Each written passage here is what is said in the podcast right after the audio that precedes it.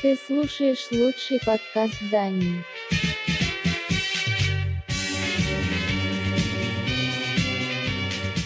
Музыкальная милиция.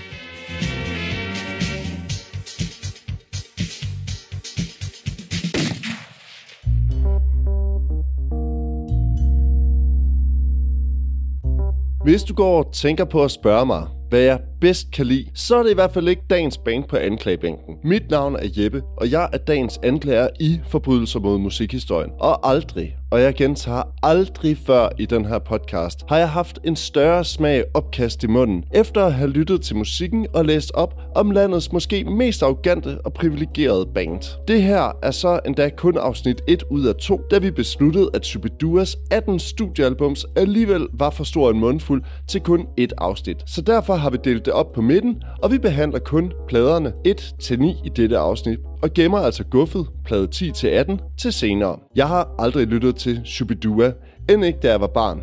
Og jeg har altid kun haft foragt til års over for det her ubehjælpelige, gumpetunge kystbanerock. Jeg har derfor heller ikke et forhold til, hvilke plader, der er gode og hvilke, der er dårlige, og indrømmet, jeg kendte måske kun en 10-15 nummer, før vi gik i gang med at gennemlytte bagkataloget. Dette gennemlyt har dog bekræftet mig i, at supperne i min verden alt sammen lyder som forskellige varianter af pruttelyde. Noget lidt højere, andre små siver, nogen der lugter, og andre man slet ikke lægger mærke til. Jeg må dog også erkende, at jeg bliver alvorligt bekymret for mit mentale helbred, når jeg har måttet lægge øre til udtalelser fra dagens Shubidua fanboy forsvarer Christoffer om, at det jo er frem til og med nieren, der er de gode periode. Derefter begynder det at blive rigtig slemt. Jeg har ærligt talt været meget få centimeter fra at kyle min computer igennem lokalet i blindt raseri over, hvor ringe Superdua i virkeligheden er. Og det er vel at mærke på pladerne 1-9 og altså den såkaldte gode periode. Så mine damer og herrer, non-binære LGBTQ plus personer og hvem der ellers måtte sidde derude, læn jer tilbage og bliv vidne til det måske sidste afsnit af Forbrydelser mod musikhistorien, da jeg har svært ved at forestille mig, at Christoffer og jeg forlader disse optagelser i live, begge to, eller som venner. Jeg maler lige et billede for jer.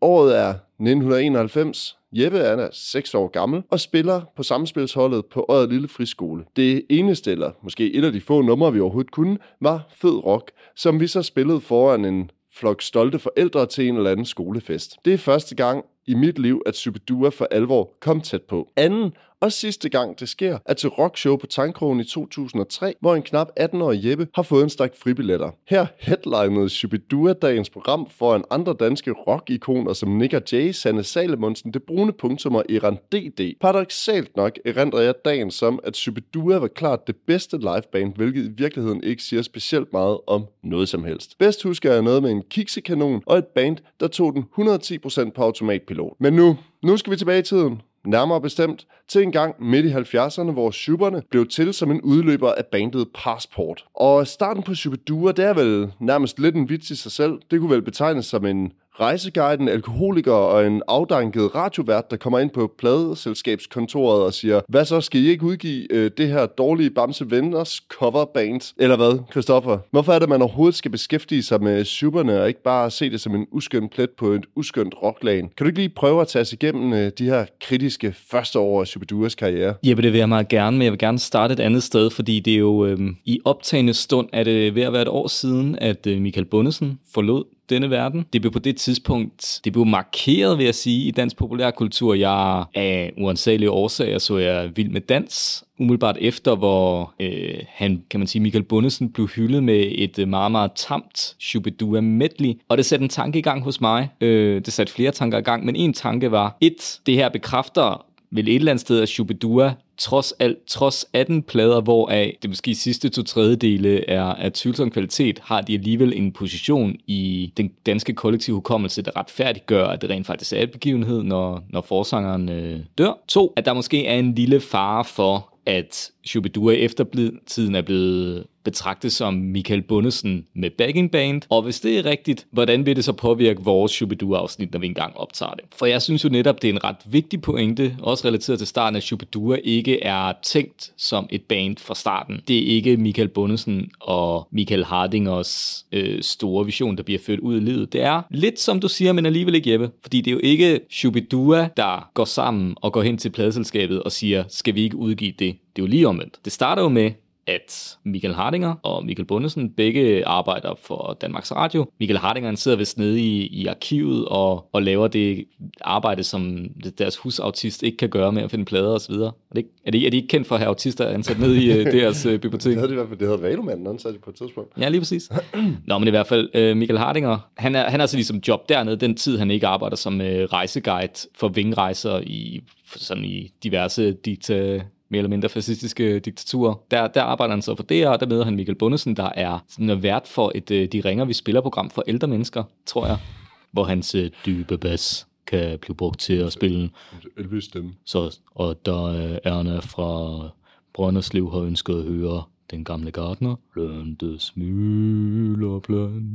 Ja, de, de møder hinanden, og jeg, jeg tror, de må have nogle fælles interesser med. De har hørt noget stil i dagen og hørt nogle plader fra udlandet, og de synes, at det kunne være sjovt at lave en form for satire. Så de laver en, hvad, hvad kan man sige, joken går lidt ud på, hvis nu at Jailhouse Rock var indspillet af en nordsjællænder, og ikke handlede om øh, at være i fængsel og spille rock, men handlede om madvaner og så videre i Nordsjælland. Hvordan vil den så lyde? Så de indspiller en sådan fordansket version, hvor Michael Bundesen synger fed rock med sådan tyk nordsjællandsk øh, accent, og hvis de gør tænke på at spørge mig. Og det er, det er sådan en, det er sådan en halvdårlig demoindspilning, som det, det, det må være den, der bliver spillet i radioen. I hvert fald øh, bliver den den, den bliver spillet i et program, og den, der er så mange lyttere, der henvender sig omkring, hvad, hvad er det for, øh, for et nummer, og det er jo sådan lidt, jamen det er nogle af vores øh, ansatte, og den, den får sit eget liv på, på hitlisten, det er jo monopolets storhedstid, så der skal jo ikke så meget til, så jeg tror, det ender med, at Polygram øh, så spørger, om de kan udgive den som single, og den sælger rigtig godt, og det er sådan lidt, det er jo ikke fordi, at Shubidua med det samme finder ud af, at de skal være Shubidua. Det er jo egentlig sådan et mærkeligt togtrækkeri, hvor de har deres almindelige job, og Michael Hardinger, han er taget til Spanien igen for at være rejseguide, og så får de ham alligevel øh, lidt op tilbage til Danmark, og, og, så, og så sådan lidt, tror jeg, sådan lidt baglæns sideværs, får de så lavet en single mere, den der, det er stærkt tobak, de får lavet, og så får de så indspillet en debutplade, så det, det er sgu ikke så meget, tror jeg, at de har en fix idé, de går til pladselskabet med. Jeg tror faktisk, at det er det, man i dag vil kalde en viral succes. Men var det ikke, fordi de havde, altså de havde band før, uden bunden og uden Jens, Jens Tage, ikke? som hed Passport. Jo, det har øh, Dingeren og, og Bosse har øh, sådan i perioder, altså jeg tror Michael Hardinger har jo sådan lidt været på den der københavnske bandcircuit, hvor de har spillet sådan ude på barken og spillet op til dans og så videre i forskellige konstellationer, og han har så haft et band sammen med, med Bosse og ham Paul Meindorf, den anden guitarist, ja. som der hedder Passport, hvor jeg, jeg tror, det er sådan noget. Ifølge Michael Hardinger er de nogle af de eneste, der spiller Allman Brothers og spiller i gåseøjne lidt hårdere rock, øh, som folk i gåseøjne ikke kender. Og så er det sådan noget med at tage over på, til Aarhus og spille på V58 og sætte gang i festen. Jeg har faktisk den single derhjemme. Ja. Som det eneste, jeg ejer, der er Shubidua-relateret, så ejer jeg faktisk den single. Øh, jeg tror, de har udgivet to, men jeg ejer den med det røde cover. Øh, det er ikke det er bare sådan et standard øh, rock. Der er ikke så meget i det, vel, men, men det er ret langt væk fra det, vi sådan vil betegne som Shubidua. Jo, og det kan man jo egentlig høre på den første plade, men for lige at vende den der skabelseshistorie, som jo er sådan, det er jo i bund og grund lidt tilfældigt, ikke? men jeg tror, der sker det, at de på et tidspunkt finder ud af, at det her Shubidua, der er så meget træk i det, at vi skal lave et rigtigt band. Kender du nogen? Og så er det sådan, jamen, Diggeren, han kender sig Bosse, ham der Paul Meindorf, og de kender lidt hinanden, og bunden, han kender sig Jens Tage, som han har gået i skole med, eller hvad det nu er. Og så får de ligesom skraber det sammen af den vej. Og jeg tror egentlig også, man kan se den første Shubidua-plade lidt som sådan en skrab sammen pladeversion af, af noget halvt satire, noget halvt øh, bandagtigt. Det er så også øh, den sidste plade, Paul Meindorf medvirker på, selvom han egentlig er sådan en drivkraften i at, at ligesom lave Shubidua til et rigtigt band. Han får, tror jeg, arbejde med shipping. Jeg ved ikke, om det er inden for Mærsk eller hvor det er, men han flytter i hvert fald til, til Canada. Hvorefter det så er Claus Asmussen, øh, Svend Asmussens, øh, hedder han Svend, violinisten? Ja, Svend. Svend Asmussens søn, der egentlig har været studietekniker på den første plade. Han kommer så ind som guitarist. Og så har vi så det, man må kalde den klassiske Shubidua line-up på plads fra plade 2. Godt og vel. Det, det lyder meget øh, plausibel. Altså igen, du, du er som sagt væsentligt bedre inde i mm. Shubidua-historien, end jeg er. Men øh, jeg tænker lidt, altså efter ligesom at have fået, øh, fået samlet op på, hvor det er, vi er henne af, sådan mm. rent, øh, i hvert fald sådan rent line-up-mæssigt og tidsmæssigt, så er det måske på tide, at vi prøver lige at dykke en lille smule ned i pladerne, fordi jeg tror, at langt de fleste mennesker ude i kongeriget Danmark er på et greatest hits-niveau med Shubidua. Og jeg tror, det er meget, meget få af dem, der kan pinpointe, hvor numre ligger henne på pladerne 1-9. Mm. Men mindre vi de første to plader måske undtaget, fordi at der er så mange covernumre på de plader, at det, det er lidt nemmere sådan at sige, jamen, når de spiller et eller andet, som er rock and roll cover, så er det nok på en af de første to plader. Fra plade 3 og frem, hvor de begynder ligesom at selv at lave tingene. Igen, der tror jeg virkelig, at folk har meget, meget svært ved at vide præcis, hvilken plade det er på, fordi de er ekstremt ens. Ej, det ved, det ved jeg sgu ikke om, om er rigtigt. Jeg kan godt lidt følge din pointe måske fra plade sådan 6-7 stykker og frem efter, men op til det, så synes jeg faktisk, man kan se en udvikling, der er sådan forholdsvis lineær for dem. Men det er jo altid det, jeg egentlig synes, der er meget fedt ved Shubidua, det er, at de gør det samme som Gasoline, og det er, at man, man henvender sig til et publikum, hvor at, øh, det er ligegyldigt, hvilken IQ du har. Du kan altid finde ud af pladerne, fordi det hedder vidderligt bare plade 1, 2, 3, 4, 5. Nej, det gør de, det, det gør de ikke. Der, men de har lagt en fælde, så alle pladerne på nær har været det femeren. Ja, der 1, hedder 78'eren, fordi at øh, det, det udkom i 1978, og en 78'er er en... Jeg, vil du sige jeg, det? Men jeg gider, ikke, jeg, jeg gider ikke svare på det. Det må bare stå. Det er jo, det er jo sådan et stort single format, ikke? Gud, nej, mand. Hvad er det så? Det der, hvor mange rounds per minute, den kører. Nå, De gamle ja. Nå, ja. Nej, altså, det, det. Men Fint. det er da fuldstændig ligegyldigt. Det var... Okay, og så har det den, der hedder Life i parken, ikke? Men det vil sige, de gør jo stort set det samme som gasoline. Gas 1, 2, 3, 4, 5 og så videre opad. Og så er så er der lige ja, nogen, hvor de over, lægger over, nogle fælder. chokeret over, at du ikke øh, nævner lidt Zeppelin. ja, okay, den kunne vi også. Men altså, det, det vil bare henvende sig til publikum, som det, det er det, man kan forholde sig til. Men du det, kan godt, men du godt det, overveje, at hvis de ikke havde, havde givet pladerne nummer, så havde de jo heddet et ordspil. Så havde du havde dem endnu mere. Det er givetvis rigtigt. Men nu synes jeg, altså, jeg synes, ordspil er sådan at skyde det lidt højt op. Altså, jeg synes ikke, at det er et ordspil, bare sådan at, at, at opfinde et eller andet nyt ord, fordi så tager vi, om hvad det her ord, det, det er bare sådan noget volapyk, og så, så legede vi lige, at det var et typedua-ord, som så betød tidskone, eller hund, eller el, afføring, eller sådan et eller andet. Det, det, er sådan, det er bare ikke interessant i mit univers. Altså, så, så er vi fuldstændig, det, det, det Malte problematikken om igen, ikke? Du kan ikke rime på ord, man selv opfinder, fordi så bliver det simpelthen for nemt, ikke? Det har du selv sagt, Christoffer. Det, det, det findes et eller andet sted i vores øh, podcast øh, om Malte Coyne. Ja, altså for det første vil jeg sige, at som jeg tror 70'erne var. Så det der grænsen mellem, hvad der var slang, der blev optaget i slangordbogen, og hvad der var noget, folk selv faldt på, eller hvad, hvad havde det Paul Nesgaard fandt på i det her program. Jeg tror, at man var forholdsvis hårfin. Det var jo en lille elite, der dikterede, hvad der var ind og ikke ind, uanset hvad. Så at Shubiduas sådan interne jargon for Nordsjælland går igen på deres plader. Det, det, er vel, det er vel sådan, som det er. Jamen, det er da fint nok, men det er en ekstrem grad, hvor man tænker sådan, hvor meget af det her er egentlig sådan meget intentionelt for at sælge plader og gøre sig selv, øh, at, vi, at vi har en eller anden form, at vi overhovedet snakker om noget, der er en bestemt Shubidua-sprog, som er, altså, altså og, og så er der ekstremt meget farhumor, sådan noget, øh, indianer bor på Østerbro, ikke? Hvor skal du hen, Rik? Skal du ikke giraffen mad? Husk at tallerkener med. Det er sådan der hele vejen igennem, ikke? Altså, det er jo det er gysligt, altså. Jeg synes ikke, det er sådan hele vejen igennem, og jeg, jeg tror... Det er også gysligt, hvis det er halvdelen af vejen igennem. Jeg tror, når folk fremhæver... Altså, når en person som Martin Kongstad, forfatteren, fremhæver Shubidua for deres evner til at skrive tekster, så er det jo ikke fordi, at de kalder gurkesalat for goggelizer, eller hvad det nu ellers er. Det er jo, altså, det, nu, hvis vi nu tager en tekst som uh, Fluer i Kødbyen, og jeg citerer her. Jeg sidder her, og, og, og som en uh, sjov, sjov kuriosum optager vi jo uh, få, uh, få meter fra Kødbyen. Det er sgu da Kødbyen, der. det er den gamle, den brune Kødby. Ja. Jo. Ja. Øh, jeg sidder her og sveder i min vindueskarm og tænker på nullerens skid, og dråberne ruller ned af venstre arm via mit underbid, for det er varmt, og solen går rent ind. Ingen selvopfundne ord indtil nu. Vi fortsætter. Min bajer er blevet lunken, men jeg har lidt tobak, og jeg spiller en 78'er. Der var den igen. Mm-hmm. Det er en med Pat Boone, der har fået et hak, så hans kinder lyder som tertser. Altså, er det selv at få ord, Jeppe? Nej, ikke nogen af dem der. Jeg synes, øh, det er ret fint lyrik. Havde Dan Turell skrevet det, havde det nok været med et eller andet øh, udvalg for dansk litteratur. Altså, det er jo ikke, fordi jeg ikke under... Jeg anerkender jo, at de en gang imellem jo rammer et eller andet, hvor man siger sådan, okay, sådan isoleret set, så er det jo fint nok, men hvis du sætter det på med elendig musik, og i øvrigt et tekstunivers, som, som skyder i øst og vest, og har hele det der sådan dad joke, øh, humor element og lydeffekter og sådan nogle ting, så får man jo et gysligt produkt ud af det. Og så kan det da godt være, der gemmer sig små guldkorn inde bagved, men der er sindssygt langt derind, og i øvrigt så vil jeg lige sige, at jeg tror, de har lyttet til et nummer med et band, der hedder Feo, før de lavede den der, der hedder Mit bedstemors spisebord. Altså det er fuldstændig samme tematik, det er bare sådan lidt mere åndssvagt lavet, og så sådan helt low fi op på, jeg tror, det udgav dem på, på hvad hedder det, Spectator Records i virkeligheden, ikke? Jeg ser bare ikke noget af det, de laver, det kan også være, at, ej, vil du hvad, prøv, lad os prøve at tage pladerne en for en, fordi ja. jeg, jeg tror faktisk, at vi kommer lige et lag dybere. Musikalne militia. Det er jo ikke fordi, at Superdua ikke sådan glitcher forskellige steder, for det vil jeg godt anerkende, at de gør, og de laver nogle, nogle weird ting, som, sådan, som er sådan, så underlige, som man næsten ikke andet sådan, at synes, at okay, det er jo lidt sjovt det der. Men det er jo frygteligt, at det er det mest sælgende danske band i Danmark nogensinde. Ikke? Det er jo der, hvor kæden for alvor hopper af, ikke? fordi så godt er det bare heller ikke. Langt fra. Ja. Det, er faktisk, det er faktisk virkelig frygteligt. Men lad os nu prøve at gå ned. Plade 1, som jo, altså nu, nu citerer jeg jo faktisk dig i vores øh, chattråd. Det er jo de gode plader, vi er i gang med her.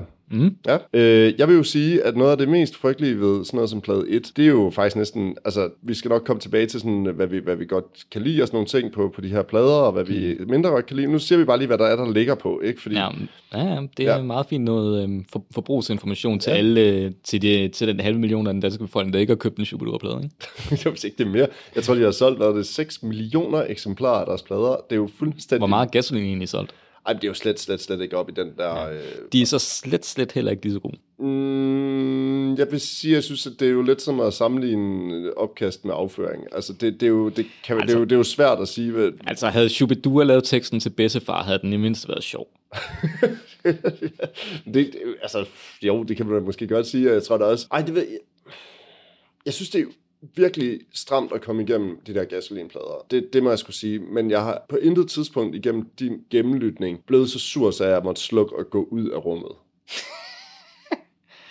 Ja, altså, jeg, jeg håber, du vil dele med, med lytterne, hvad det er for nogle steder, hvor du er... Ej, det kan jeg love dig for, det kommer. Øh, men, nå, men, nå, men, altså, kan man få sig en bajer?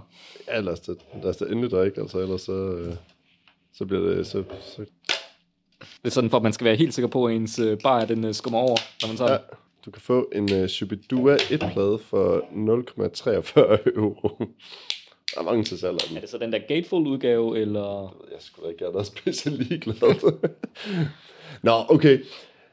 Første plade med Shubidua hedder jo bare Shubidua, ikke? Fordi der vidste de jo ikke, at de skulle komme med en til. Og man kan sige, coveret er sådan en, hvad er det? Det er sådan en dameben ud af en eller anden Jeg, jeg tror, det er en, det er en, noget, det er ikke? en bosse halv idé, han har set i en spørskæmbutik, at man, du ved, ligesom de der blomster, der sprøjter med vand, ikke? Altså, nu siger jeg bare lige noget. Det, det ligner jo unægteligt det der Rolling Stones øh, cover art på en eller anden måde, det der logo der, ikke? Men det ligner også, det ligner sgu også lidt, lidt en fise, gør det ikke det? Der, der, Jo, altså, der er et eller andet, men jeg ved det ikke. Isoleret set, så fungerer det vel meget godt, men det er heller ikke cover art, vi kommer på at jeg, snakke jeg, om her. jeg, tror, Bosse var ret utilfreds med det. Altså, at jeg tror, han havde en idé om, at det ville... Øh, jeg tror, det var hans idé, og jeg, har i hvert fald hørt ham sige, at han ikke var tilfreds med det. Nå, men fint nok. Vi skal, det skal handle om indholdet. Det starter lige med 35 sekunders intro, som er decideret frygteligt at komme igennem. Hvad fanden er det introen er? Øh, skal vi høre det? Vi kan altid, vi kan altid klippe det ud.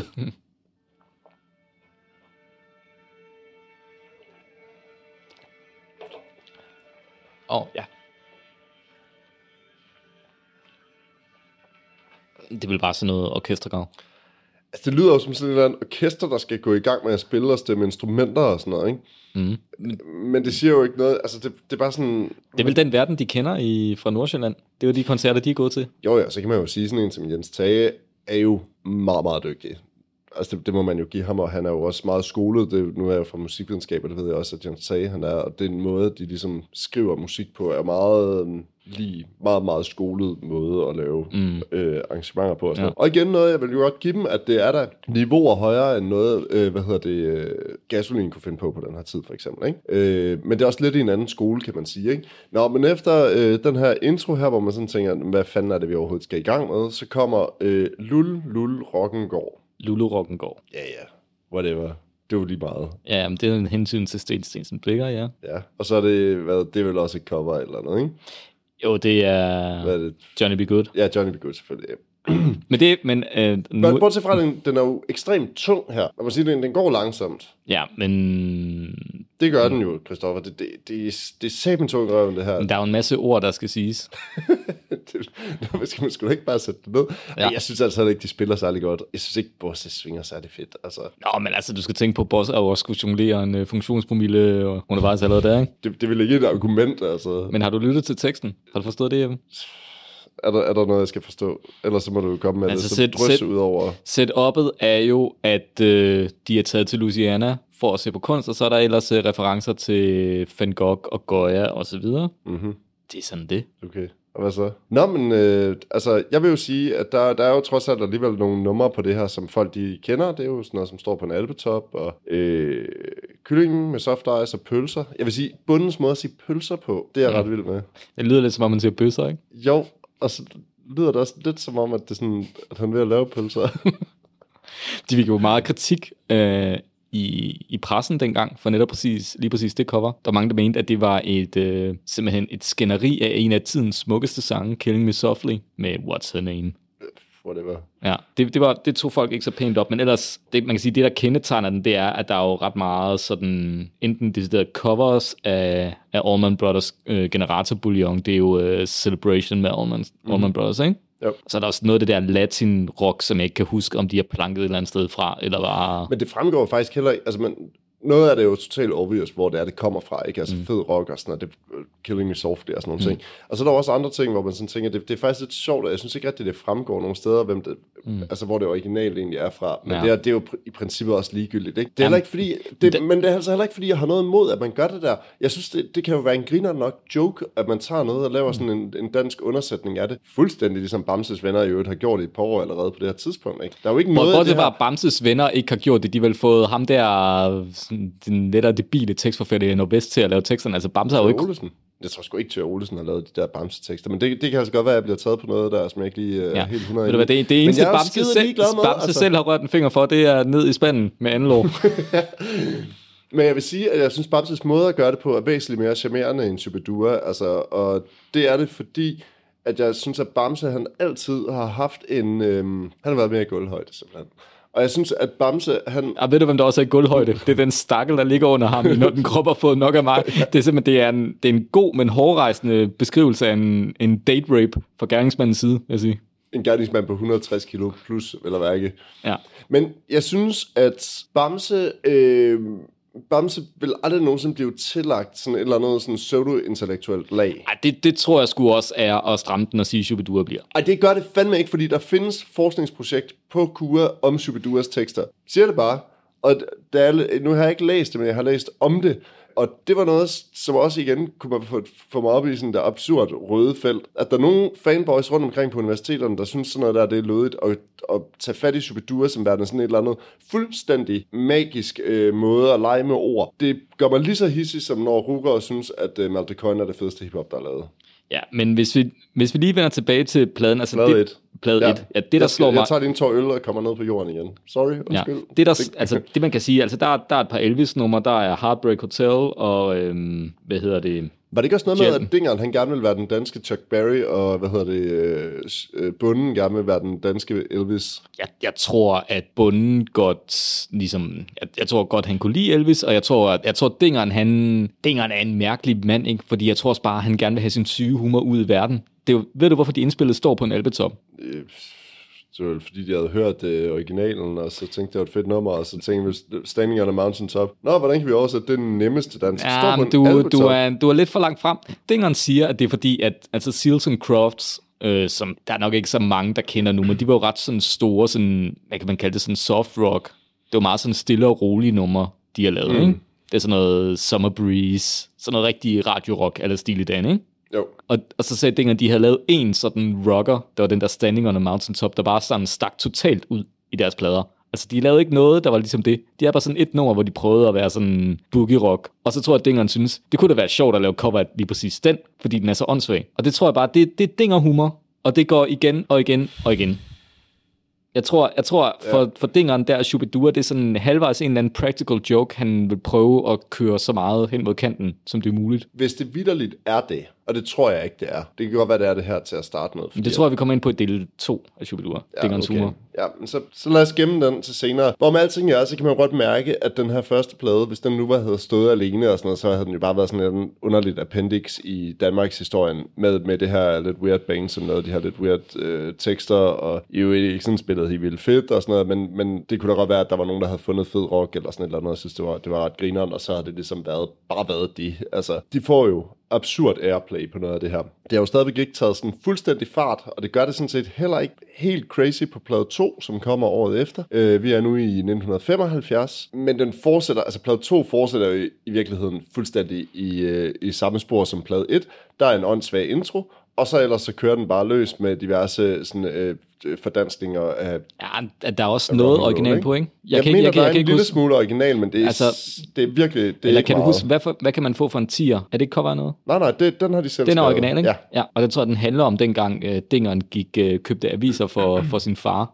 Sådan, Dingeren har fortalt, at øh, hans far sådan hver, sådan, hans far var et eller andet rejseagent eller sådan noget, når de var på ferie, så skulle Dingeren altid ned og købe sådan seks forskellige aviser, og det fik han så nogle lommepenge for. Og så er det ligesom det sang handler om. Men Der- hvad, jeg er, faktisk, jeg er faktisk også ligeglad. Fordi det, jeg synes ikke, at det er et specielt godt nummer. Jeg synes, det indvarsler rimelig meget, hvor der er Superdua, de kommer hen senere hen. Ikke? At det, det, det lyder som den der uh, livets Superdua-pølse, der, der sådan kommer på plade 5 og frem. Ikke? Men noget, der er vanvittigt irriterende ved den her, det er alle der små øh, sådan, øh, intermezzoer. Jeg kan næsten ikke holde ud at høre det. Okay, her Gramsespektrum, hvordan kan det være? Jamen, Gramsespektrum er jo full-on sketches. Altså, hallo her, jeg kan ikke lide øh, Humleridernes første plade. Altså humleriderne, det er jo ikke sketches. Det er sgu da Det- sketches. Ind i skabet med ham. det, ej, det, det er du simpelthen ikke ret i, Christoffer. Det, altså, det der, det der små, sådan, den der Operation Blå Storm og sådan noget, det er der også nogle små, sjove sketches. Ja. Men jeg vil så sige et eller andet godt om de der dialoger, og jeg er fluen og sådan nogle ting. Altså, Om, skal jeg sige noget godt om det? det, det er sgu da dig, der skal forsvare lortet. Jeg, jeg synes igen, du skal tænke på, hvad det var for en kontekst, de her plade blev udgivet i, ikke? De eneste, der nogle gange lavede noget, der mindede om satire, det var DR. Det var Paul Næsgaard. Altså, de har været Så... Hvad har du imod Poul Næsgaard? Altså, Jeg har ikke noget med Paul Næsgaard, han er bare indbegrebet af det er dengang på godt og ondt. Det, det, det, jeg vil frem til, er, at folk var så udsultet i forhold til noget, der ikke var foregik på de skrå brædder, eller var tv-spil af Live Pandue, at hver gang der var nogen, der prøvede at lave noget sjovt, der ikke var øh, dybt seriøst politisk, så, så tror jeg, man har taget imod det med kysshånd. Og nej, gud, sådan noget som fluen, det er ikke højt niveau, men altså for en øh, sådan lidt underbemidlet øh, intellektuel befolkning, som den danske var dengang, så har det da sikkert været fint. Men jeg tror også, hvis jeg skal være helt ærlig, så synes jeg også, at det der det ville være fint, hvis det var på bedste græmsespektrum manér, noget, der var, havde appelleret til en meget, meget lille niche af, af et udsnit af den danske befolkning, og at det helt tydeligt bare var nogle unge knejder, som legede i et studie og havde det grineren med og optage alle mulige underlige effekter og loop dem rundt og hvad fanden du ellers laver af jokes og sådan noget så havde jeg synes at det var, det var fint. Altså sådan, det, men problemet er jo, at det her på en eller anden weird fucking måde, så appellerer det her så bredt, så det her band bliver gigantisk på de Men, her men det er jo plader, stadig på et, Altså- det er stadig på et fundament af at være kult band. Hvis du ser de der og hører de der Shubidua live-optagelser fra 1970'erne, så er der masser af... Det, altså, man kommer til over det dag med sådan nogle gimmicks med, at de starter med at sige, goddag, hyggelig, I kunne komme. Altså, de har det der kult band præg over sig i deres interaktion med publikum.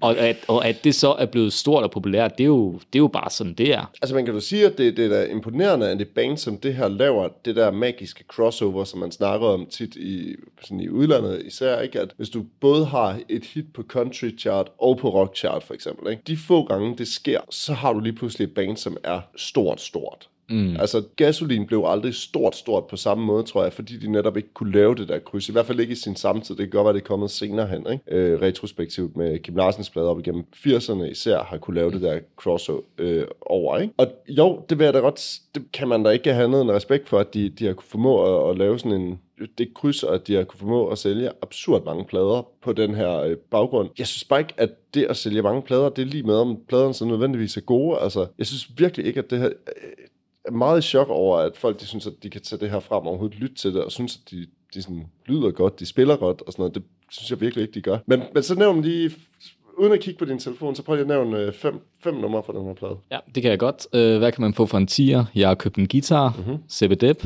øh, mm-hmm. den der savnet om Regnorm Kurt og Arken i parken, ja. Fiskedisk, Ah, Okay, du er god til det, ja. Nylon, øh, Nylon Brando, den øh, holder min søn meget af. Han kalder den øh, Mean Rock and Roll. Og det er en af de mest irriterende sange i hele verden. Jeg tror faktisk selv, de har skrevet den, for det skal være løgn. Jeg er fuldstændig ligeglad med, hvem der, er, der har skrevet den. Det er stadigvæk ikke til at holde ud og lytte til. jeg er så sur i dag. Altså, hvis, øh, hvis der var billeder med i, i podcasten, I kan simpelthen, øh, jeg vil ligne en, der har taget en citron, dyppet det i det der syrlige slik, og så bare råsnadet den i to stive minutter. Men altså, bortset fra det har du ret i, at plade 2, det er jo et eller andet sted bare af, af plade 1 med, øhm, med, en anden, øh, med et andet cover. I øvrigt, øh, nærmest ikonisk cover, tror jeg. Det er jo chokoladekiksen med pointmotoren, ikke? du, du, you can't make that shit up, altså. I mean, det, Ja, det men er, jeg, det jeg, jeg, jeg, jeg næsten- tror også, det, er- det er klassikeren med, at så har de fået succes med den første plade og været på tur, ikke rigtig haft tid til at sådan skrive de der sange selv. Ja. Øh, og, så de, og så de bare kørt videre samme spor. Men så kommer men, der jo en plade 3, hvor coveret jo er, Hvad er det, sådan en flyver og en sol og sådan noget? Hvad fanden? hold nu kæft, Jeppe, der, er- det er et øh, flyvende toilet med ild i, du ved, lukket med brænder. Nå, det er toilet. Ja, okay, selvfølgelig. Ja, det var undskyld. Ja, ej, de der covers der, der de, de flyder fuldstændig sammen for mit udkommende. Ja, du har ret. Men jeg synes faktisk, noget af det, der er lidt øh, fascinerende ved den her plade, det er øh, et af, jeg synes, at det, det er her, hvor det virkelig indvarsler, hvad det er, der kommer til at ske. Ikke? Plade 3, eller? Ja, jeg synes, det, den, det, er ikke den, det er ikke den hårdeste plade at komme igennem, men der er stadigvæk nogle, nogle, øh, nogle absolute lavpunkter på den der plade i deres sådan, samlede Superdue-karriere, som jeg vil hive frem senere. Ja. Men jeg synes jo faktisk, at jeg, jeg kan godt lide, at de er en lille smule ballsy med deres nummer Rebil, for eksempel. I midt-70'erne at lave sådan noget, der måske lidt godt kunne, kunne være en hyldestsang til en amerikaner. Det er vel lidt på samme tid, som at Jomfru Aneband udgiver... Ja, er det ikke det? Altså, Det må være lidt for en... De, ud- Rebil 76, han er jo Rebil Festen 76, ikke? Jo, men Så jeg sang- tror først, den udkom senere. Altså, Ja, lige jeg- præcis.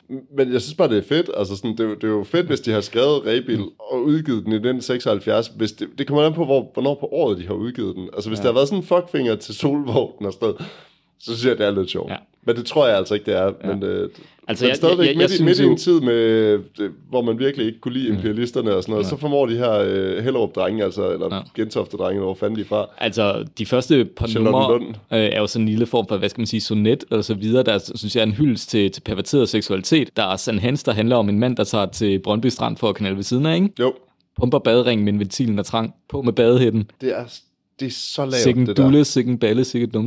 Det er så generelt er der faktisk mange af deres tekster, som er sådan lidt homoerotiske, er der ikke det? Jo. Og så, så er vi jo nået til Nam Nam. Uff. Kombi, kombi freaks og tissekoner. Har du nogensinde omtalt kvinder som tidskoner? Ah, vel? Jeg tænker altså heller ikke, den gik dengang. Gjorde det det? Det var en anden tid selvfølgelig, men, men jeg synes, det, det er så ulækkert, det der. Det er simpelthen så klamt. Altså, det, er sådan, det, det er sådan måden, han synger det på. Ja. Ja. ja, han ved, hvad han taler om.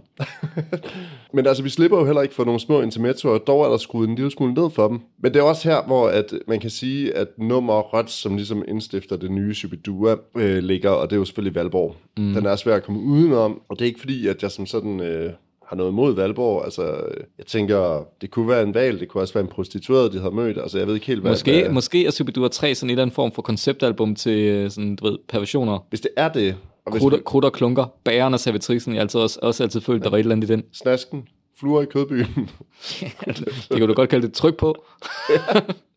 altså, knalde låget, altså, intet nyt fra Vestfronten, det er sådan, Ja, de tre små grise. altså, har vi fat i noget her? Altså, jeg ved det ikke.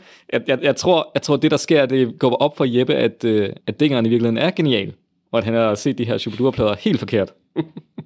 det, Det er, gør en, om, altså det, er en, om, det er en omvendelse live i studiet. Hvis, hvis I har Nej, set nej, de der nej, nej. tv-prædikanter, der dæmonuddriver live på tv, det er nogenlunde det samme, der foregår lige nu i din ikke. podcast-afspiller. Overhovedet ikke. Jeg, jeg, jeg vil bare sige, at øh, jeg tror ikke, der er andre, der har set det her. Så jeg ved ikke, er der, er der nogen, der har beskrevet, at øh, træeren er sådan en hyldest til alle mulige weird former for perversion, seksuelle perversioner? Nej, men hvis jeg, hvis jeg nu tog overlov fra mit arbejde og fik lov til at skrive en PhD på QA om, om det, så skulle du selv op. så kunne det godt være, at der lå noget og ventede lige rundt om hjørnet. Måske mere en rugopgave. Jeg tror måske, er sådan et eller andet øh, det fri gymnasie. Aftenskole. altså, vi vil se, så, så er vi ved at være nede på niveauet, hvor det, du hvad, det, jeg tror det ikke, nu, nu jammer vi bare her i studiet, men hvad jeg vil stadigvæk sige, altså, altså det, det er jo meget sådan her, at sådan den der, hvad kan man kalde, Shubidua sound ligesom opstår, ikke? Det der sådan tæskeklaver og nogle gumbetunge trommer, og så sådan noget øh, underlig øh, indforstået lyrik henover, ikke? Det er i hvert fald her, de for alvor begynder at skrive sange selv, kan man sige. Ikke? Var netop, det var det, jeg Ja. sagde, tæsk klaver, indforstået ly- lyrik og gumbetung beat. Jamen, du har jo sagt det samme om øh, deres covernummer, så jeg skal bare lige være sikker. Jeg vil faktisk sige, at covernummerne er, er mere udholdelige at lytte til, fordi at det trods alt er sådan velskrevet. Men jeg vil sige, igen, det er jo ikke fordi, de ikke glitcher. Jeg synes faktisk, at Valborg er, er, er, er en fin popsang. Det, det vil jeg godt give dem. Ja. Jeg vil sige, B-stykket i Valborg, det, det er skarpt skrevet. Hvem har egentlig skrevet den? Er det Jens Tage eller Dingeren? Ej, jeg tror, det er dingeren. Ja. Nå, men så kommer der jo den der med bien. Ja, det er jo deres øh, kunstneriske højdepunkt, og jeg tror også, det er den, der er solgt flest sådan enkelte eksemplarer. Det er den her, hvor at jeg for alvor bliver presset, kan jeg mærke. Det synes jeg er sjovt, for jeg synes, at det er deres klart mest helstøbte album. Synes du det? Det er også, tror jeg, sådan nogenlunde det sidste album, inden der for alvor begynder at gå knas i bandet. Det vil sige, at du fløjter øh, Maja Sahari hele vejen til... Øh, det lyder, Maja Sahari, det lyder fuldstændig ligesom, når min datter på tre år, hun prøver at forklare mig et eller andet, der er sket oppe i børnehaven. Og så, og så, og så, og så var det, at øh, så kom ham derover og så, og så gjorde vi det der, og så, men så, og så kom der en kæmpestor øh, sådan en der, og så, øh, Ja, lidt som uh, teksten til the Water. Apropos. altså, jeg har da aldrig sagt, at Gillerne kunne skrive god, men det er rigtigt. Smoke on the Water har lidt af det samme også. ja, men uh, det er sjovt, du ikke uh, hiver fat i det mig så har om, at uh, de møder nogle folk sydpå, der så viser sig at være kannibaler. Altså, men de lavede ham til en kage. Så ja, sådan det grænse mellem det salte og det søde køkken er nogle gange lidt, lidt flydende. Men nej, jeg, Jeg ved ikke, altså, jeg tror lige præcis, den der del af det, at, at sådan, man kan sige, det er jo selvfølgelig også en anden tid, hvor man godt kunne bruge endordet, hvor man godt kunne øh, sige, at der bor en indianer på Østerbro og sådan nogle ting, ikke? Altså, det ved jeg sgu ikke rigtigt, altså, det, det synes jeg ikke, de skal stå på mål så meget for, fordi det, det var bare en anden tid, kan man sige, og det, det er selvfølgelig ikke klart, at det går ikke med sådan en 2021 look på mange af de her tekster, ikke? Altså, der, der klarer de altså ikke rigtig helt kottet. Nej, nej, men Det og det gør, bliver også det, langt det, værre læng- det, hen ad vejen. det gør altså. Nanas Afrika jo heller ikke. Nej, nej, nej, der er der masser, der ikke holder.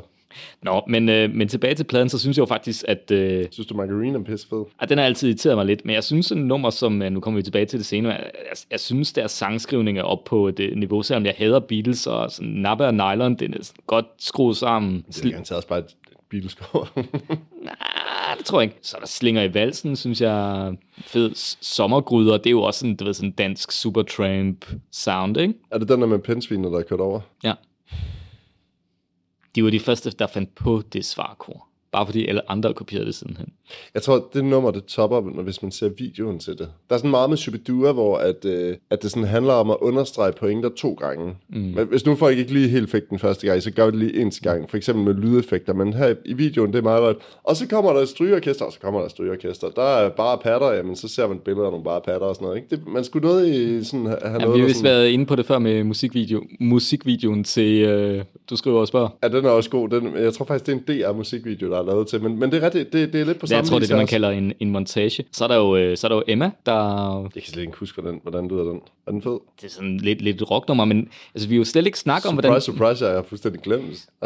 vi har jo ikke snakket om, hvordan pladen lyder, fordi jeg synes, at altså, jeg synes guitarlyden, deres guitarlyd, synes jeg, jeg altid godt kunne lide.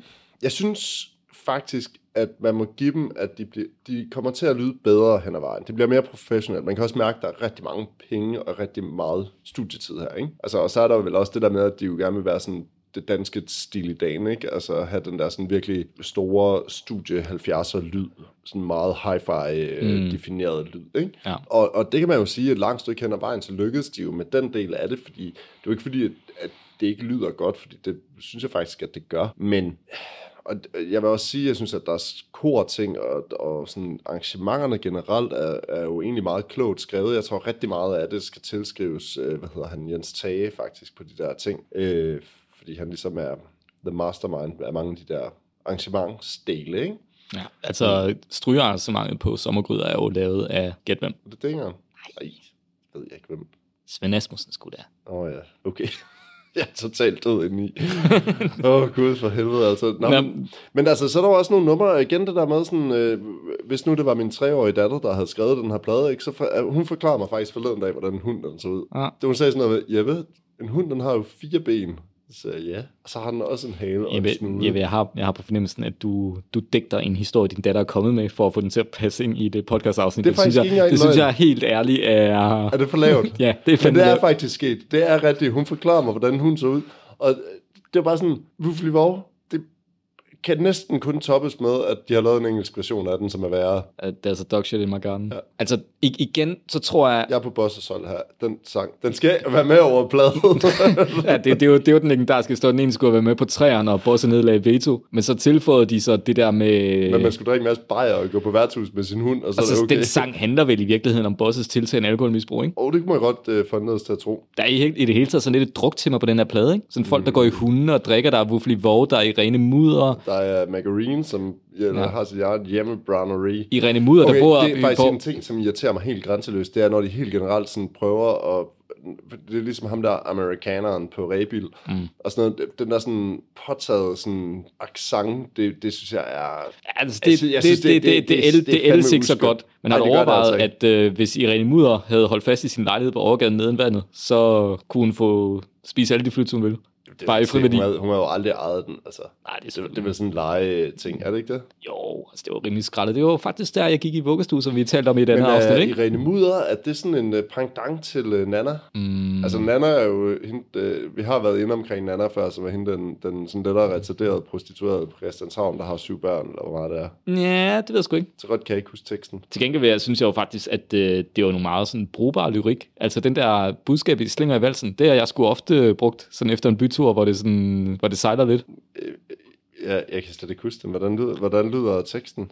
Altså omkvædet går jo, hvis der slinger i valsen og kykkelig ky, så er det oh, fingrene det i halsen, så er du født på, som på ny. Altså, er, Men jeg tror er, altså også, de der 6 8 dele, den kører i, og sådan noget, det irriterer mig, det, de irriterer mig grænseløst. Det, der er jeg, jeg med tror, det jeg der kan sådan- mærke, at vi kommer tilbage til det nummer, når vi skal snakke øh, bedste vers, måske. Altså, det er da jo svært at vælge en vers på, den her plade. Altså, det, det er sådan et highlight af vers hele vejen igennem. Jamen, skal vi Jeg springe? synes heller ikke, du har taget nummer 1, United States. Ja, den, den synes jeg altså lidt, øh, minder lidt for meget om, øh, hvad hedder det, Marlon Brando. Men jeg vil faktisk også sige, at der er jo, øh, der findes jo faktisk en øh, amerikansk version af United States på øh, bonus track på, på Spotify, kan man finde. Hvis man gerne Ja, vil men jeg har godt, der, der er sådan øh, jeg har godt, øh, uskønt, så skal man prøve at høre den. men det er vel, vi er enige om, at det er Wuffeli Vore og Sommergryder, der ligesom er hitsene på den her. Det var sommergryder, der var tænkt som hittet, ved jeg. Det var det, de ligesom prøvede at lave promo på. Jeg vil også sige, isoleret set, at Sommergryder er der også et bedre nummer end Wuffeli Vore. Ja, det, det kan vi hurtigt... Altså, jeg, jeg tror, Wuffel er sådan... Altså, er, er man voksen, så bliver man hurtigt træt af det, men altså, det, der, der er mange, der er hunde, det skal man måske heller ikke tage fejl af. Altså, det er i hvert fald været 800.000 danske familier, som, øh, eller hvor meget der er personer, der har en hund. Hvor mange, jeg ved ikke, jeg hørte sådan noget i P1 her i morges, om, hvor mange der er hunde. Så 800.000 familier for meget. Altså. Jeg skal fandme heller aldrig have en hund. Nå, men vi rykker hurtigt videre til øh, plade nummer 5, og jeg må... Som hedder... 78'eren. Mm. Det sjove var, at... Men øh, havde den ikke også et andet navn? 78'eren, eller... Ej, okay, nu Altså, jeg, jeg har, på et tidspunkt fik jeg alle min fars gamle kassettebånd af min farmor, fordi hun ikke gad at have det lort liggende Det længere. kan jeg forstå. Og så, øhm, og der havde han faktisk 78'eren på kassettebånd, hvilket sådan, altså lidt, når nu det hentyder til en plade, så mm-hmm. udgivet på Nu bånd. siger jeg lige noget, ikke? Mm. Noget, vi har været efter med blandt andet DRD, det er, hvordan de staver deres navn. Mm. Shubidua, er de ikke også en lille smule inkonsekvent med, hvordan de staver deres navn? Om det er med bindestreger, eller om det er med punktummer og sådan noget imellem? Og altså, Gør det noget? gør det noget. Ej, okay, det kan godt være, det er lige meget. Altså, men det er alle de ting, du kunne hænge dig i. så vil jeg hænge mig i ål og rejer, som er de Ja. værste 12 sekunder, jeg nogensinde har brugt i mit liv. Eller, eller tørsnoren, som vi kommer til. Ja, den kommer vi tilbage til. Men jeg vil sige, ål og rejer, det, det, det, det...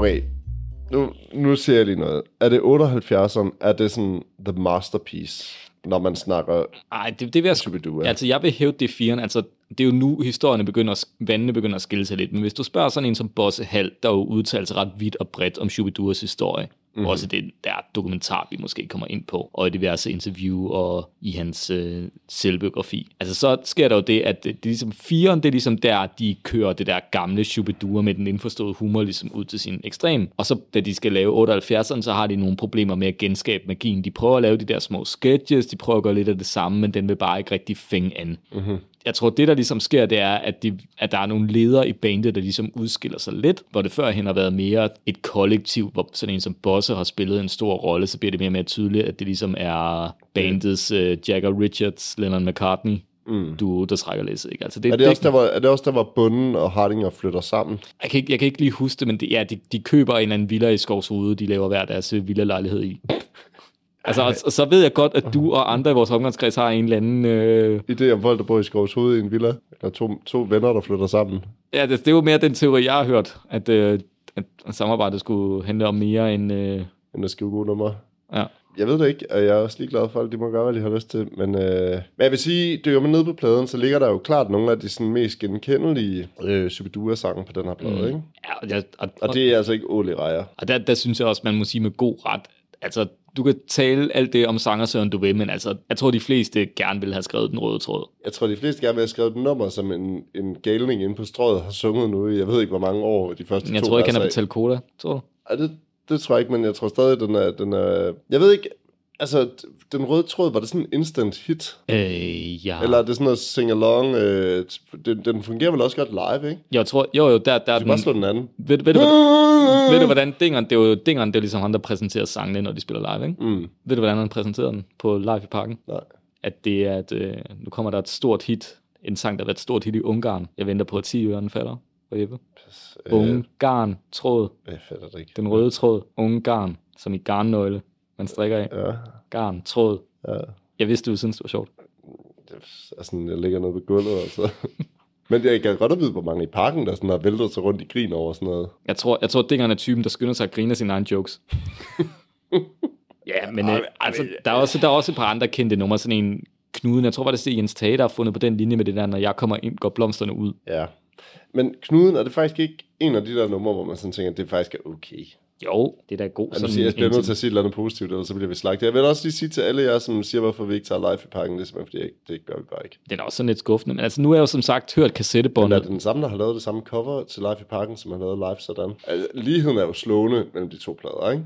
Jo, men der kørte jo et eller andet spil. Er det nu, vi skal tale om den der øh, gasoline øh, rivalitet Prøv, jeg tror slet ikke, der har været nogen rivalisering. Jo, det Ej, er, jamen, prøv, prøv lige at overveje det her. Hvis det er det der med, sådan, de har spillet et enkelt show sammen, mm. da Shubidua var helt unge, og Gasoline var et okay stort måske vi navn, lige skal riste en historie op. Øh, men jeg tror, vi, er det den, vi har, vi har, været har, har vi talt om? Ja, vi har været inde på den i vores gasoline også lidt. det, er jo- det, er jo- det er jo her, hvor, hvor Shubidua ligesom, at de, de warm-up, de headliner sammen med det Shubidua, der ligesom varmer op, ikke? Jo, jo. Det er dem, der spiller først. Ja. De har ikke selv fået noget lys med, eller der er ikke plads til, at de kan få deres lys om, ikke?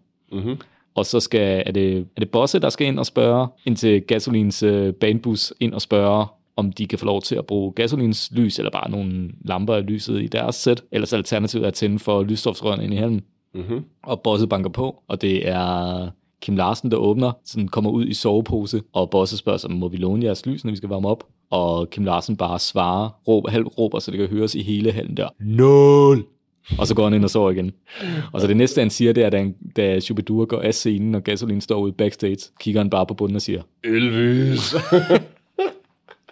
Men okay, det kan jo selvfølgelig godt være, at der har været sådan en eller anden form sådan en kroner og øre rivalisering mellem de to bands, men jeg tror i virkeligheden ikke, at den har været så eksplicit, fordi de har haft samme booking agents. mm, Og det er jo klart, hvorfor fanden skulle han sætte de to største danske bands op sammen? Det vil jo ikke give nogen mening overhovedet. Hvis du kan plukke folk to gange ude Hvide Sande, så plukker du dem to gange ude Hvide Sande. Altså sådan, der er sgu ikke nogen, altså, så var du Shubidua den ene måned, og så kan du knæ, øh, gasoline i den anden måned, ikke? ja. Hvis du har sat dem op sammen, så har du kun fået pengene en gang. Jamen, det, jeg, jeg bøjer mig for fagkundskab her, tror jeg. altså det der var money talks, altså der, der er jo ikke noget sådan vildt i det, altså jeg tror heller ikke, altså hvor, hvorfor skulle de spille sammen, altså sådan, det kan da godt være, at der sådan er et eller andet vist overlap mellem publikum, men igen, så vil det ikke give nogen mening, altså hvis du kan have Tubidua, der fylder en, en halv i et eller andet sted i Jylland, og Gasolin, der også kan fylde en halv det sted i Jylland, altså, så skal de jo ikke spille sammen, altså, så, så er du, så er du kun, altså, så er du ikke, du har ikke flere mennesker igennem, altså, ja. Tja. Nå, men under alle omstændigheder, så, så kommer vi op til det med gebisset. Ja, og det er jo, øh, skal man tro Bosse, så er, det, øh, så er det her, at stemningen for alvor bliver dårlig, blandt andet fordi han drikker som en svamp. Også derfor. Altså, det, det, er, jo, det er jo meget præget af sådan nogle konceptnummer, ikke? Altså, der er et Bee Gees konceptnummer, der er et øh, sådan hensyn til den der øh, udvandrende serie, Ja. øh, Jens Røhl serie. Så er der, så jeg synes også, der er nogle øh, perler, altså både de kendte, sådan som Ærmelund er jo sådan lidt en evergreen for dem. Jeg synes også, et, et nummer som... Øh, Du kan da ikke helt seriøst mene, at Ermelunden er fed, Christoffer. det er da et godt popnummer. Den er med i Shubidoo Musicalen også. er Jeg tror, der er ovenikøbet, måske min onkel synger den. Og den kommer i øvrigt øh, live igen, hvis øh, så folk skal skynde sig at købe billetter og støtte min familie.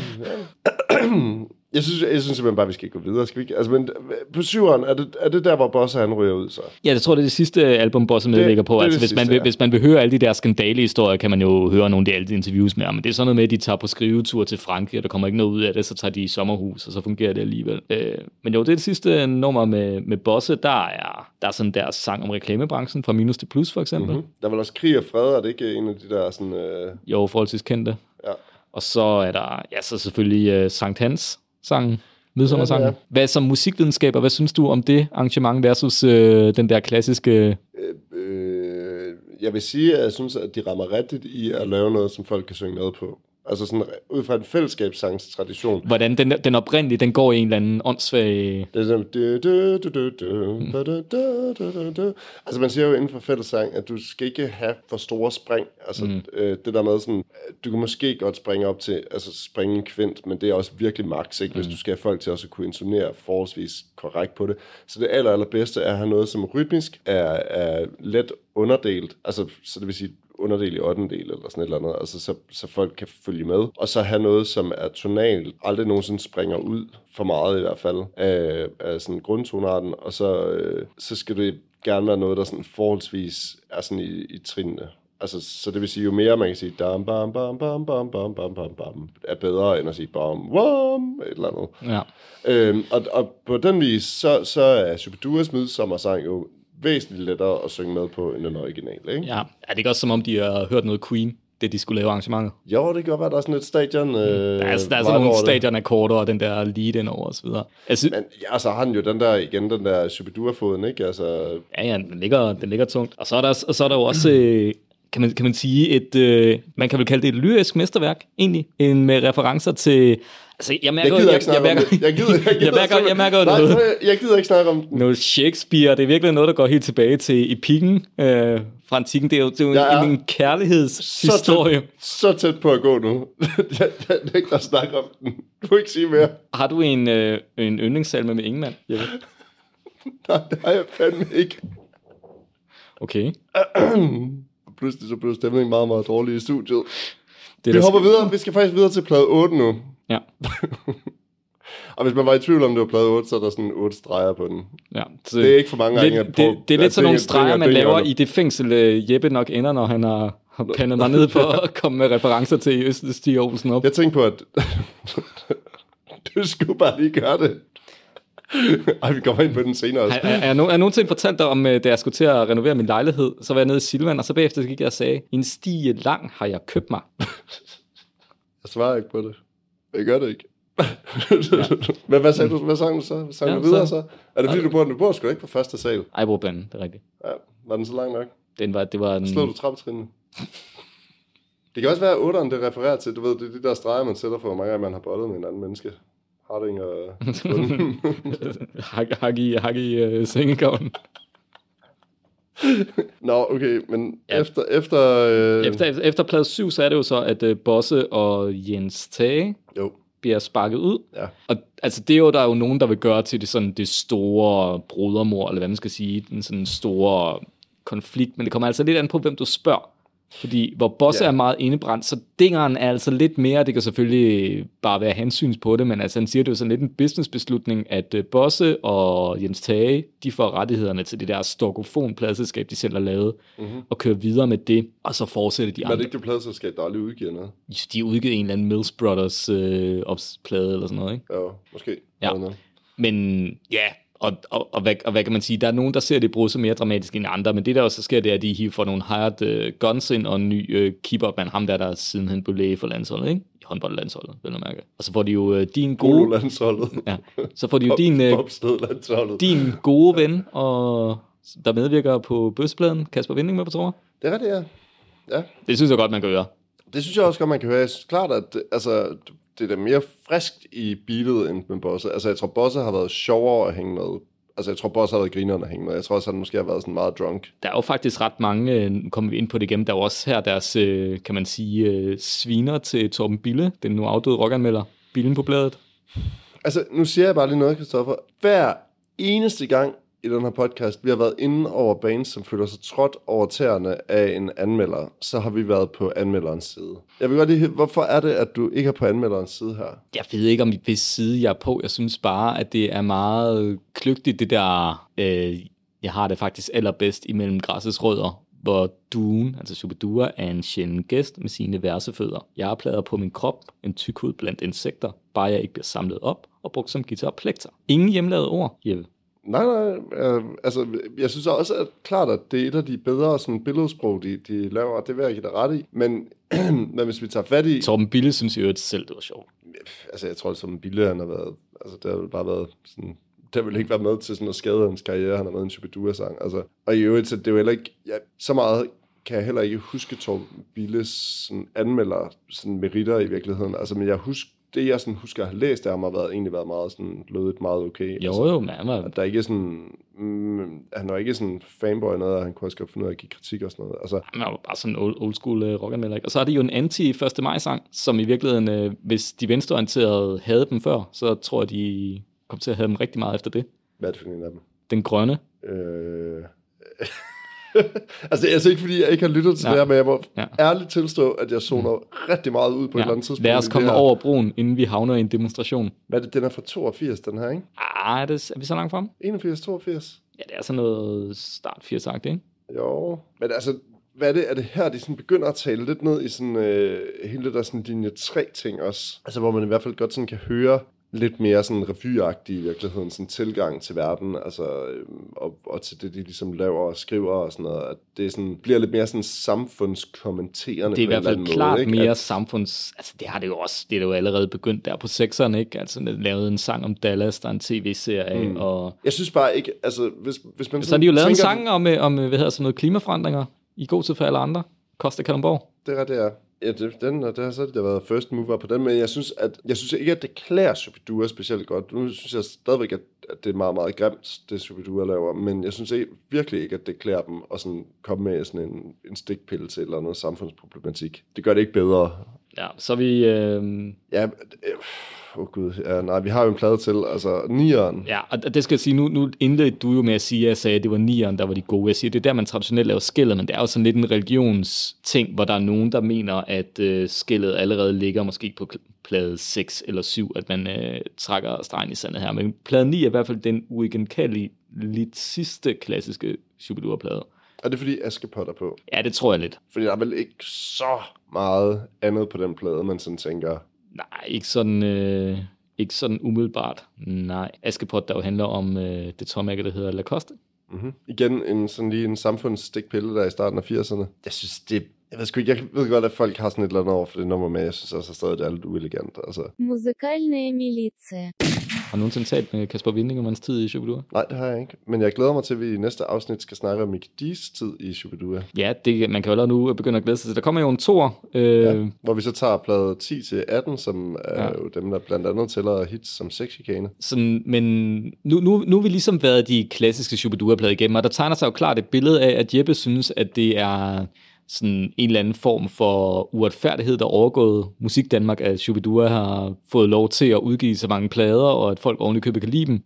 Jeg synes, at man skal bevare ting i- Når man, har, når man har noget, som er et fixeret produkt, som en plade er, så synes jeg, at man skal være meget, meget varsom med at hive det frem som værende noget, der har en relevans i dag. Ja. Og øh, der synes jeg, at Superdua, det, det skulle ligge tilbage i 70'erne, hvor det måske givetvis havde en relevans for rigtig mange mennesker, der synes det var fedt, og det udfyldte et eller andet tomrum, det øh, udfyldte et eller andet for en, en bred dansk befolkning, at den der type sådan lidt letkøbt popmusik, som Bacon og hvad hedder de der, The Liar Bowls og sådan noget senere. Ja, hen, nok, ikke? nok lige niveauet over, ikke? Men, Jo, jo, men, men du ved, hvad jeg mener, ikke? Det, det er sådan, vi er i samme land, Jo, altså Det er man, man, fordi- man er skal jo huske, det- at der var en ret stor del af den danske befolkning, der ikke lige var i hønsestrik og en del af ungdomsoprøret. Altså sådan nogen som mine forældre. For dem har Superdure det jo været deres sådan, generationsband. Jo, jo, og det, det er jo ikke fordi, at jeg sådan negligerer det, eller at det har betydet noget for nogen, og at folk har fundet deres første kæreste til os ved at stå og synge de der sange på dansegulvet et eller andet sted, ikke? Øh,